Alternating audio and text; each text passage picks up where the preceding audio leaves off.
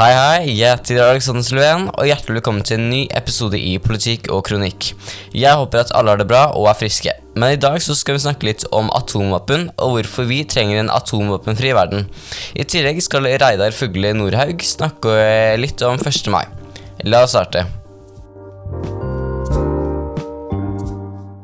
Atomvåpen har gjort at verden mange ganger har vært på raden av kjernefysisk katastrofe som følge av spenninger, misforståelser, tekniske feil og ulykker. Å fortsette å sette på kjernefysisk avskrekning setter livet på jorda i fare.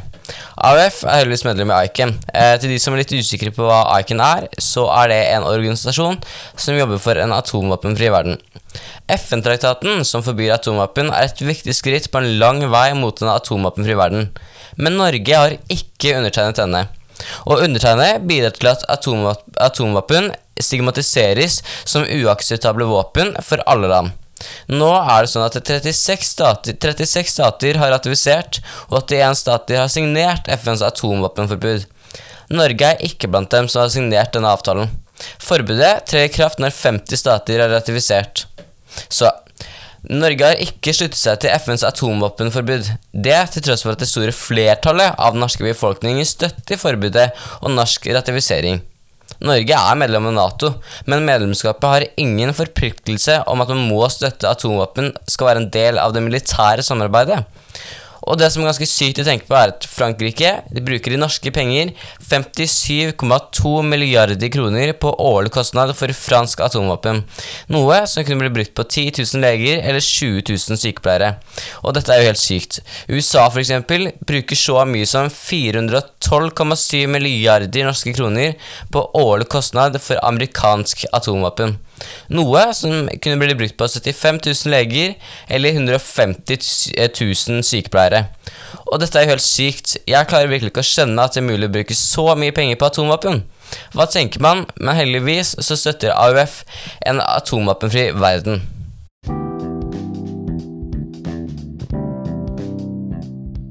Da ønsker jeg velkommen til Reidar Fugle Nordhaug. Han jobber i sentralstyret, eh, sentralstyret til AUF med skole og arbeid. Da setter jeg over til Reidar, som skal snakke om 1. mai.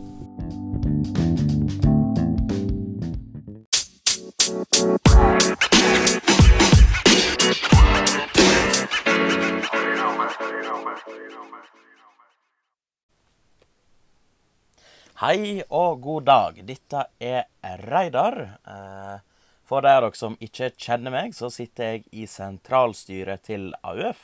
Jeg er 22 år, kommer fra Sunnfjord kommune i Vestland fylke.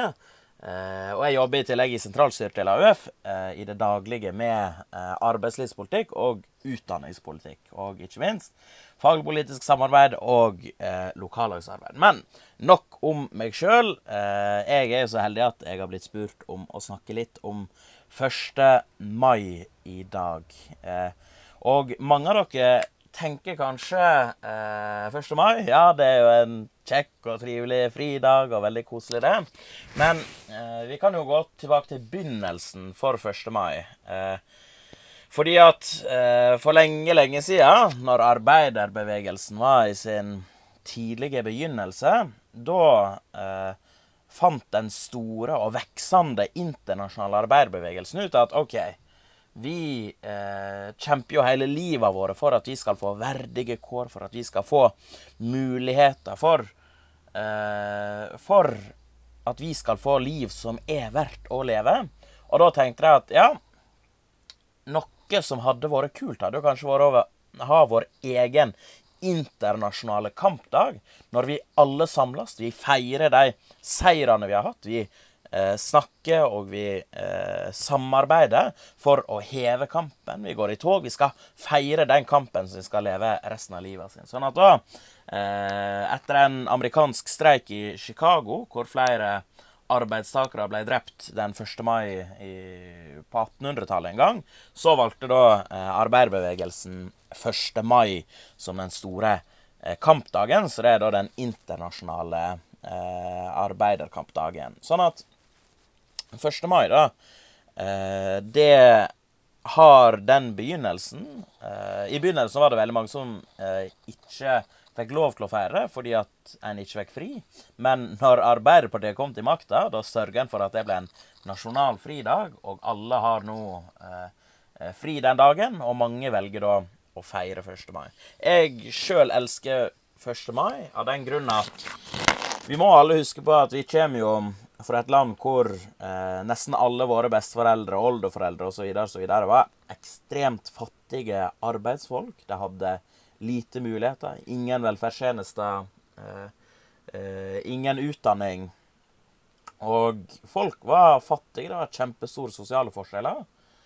Eh, og så må vi bare huske på det, alt det arbeiderbevegelsen har klart. Det at en har gått på bare to-tre generasjoner fra at folk nesten måtte svelte i hjel om jeg var fattig eller mista jobben, til at vi har en velferdsstat som tar vare på oss. En velferdsstat som sørger for at vi får gode og verdige liv, og at vi faktisk får mulighetene til å eh, ha det godt. Så jeg, jeg, elsker veldig godt å feire med tanke på alle de som har kommet før oss i denne stolte arbeiderbevegelsen vår, som har tatt de kampene. Men det som er veldig viktig å huske på på 1. mai, er at ja, vi feirer de kampene vi har vunnet.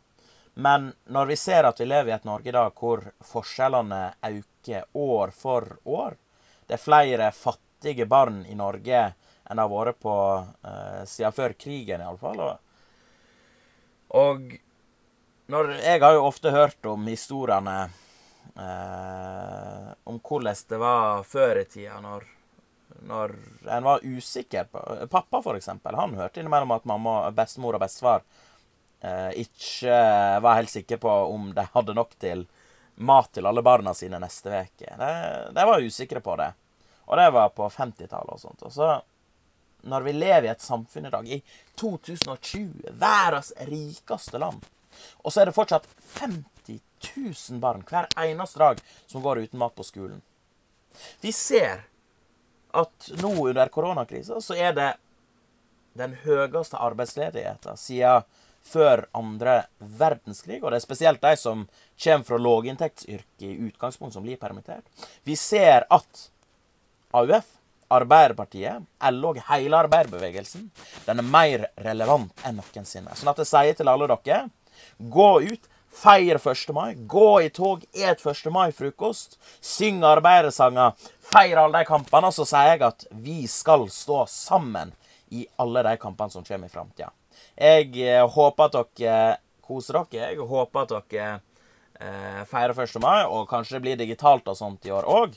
Men eh, i alle fall viktigst er å synge arbeidersangene og feire de kampene vi skal vinne, og feire de kampene vi har vunnet. Lykke til. Eh, kos dere under korona, og så får vi eh, dere holde ut og holde sammen. Takk for meg.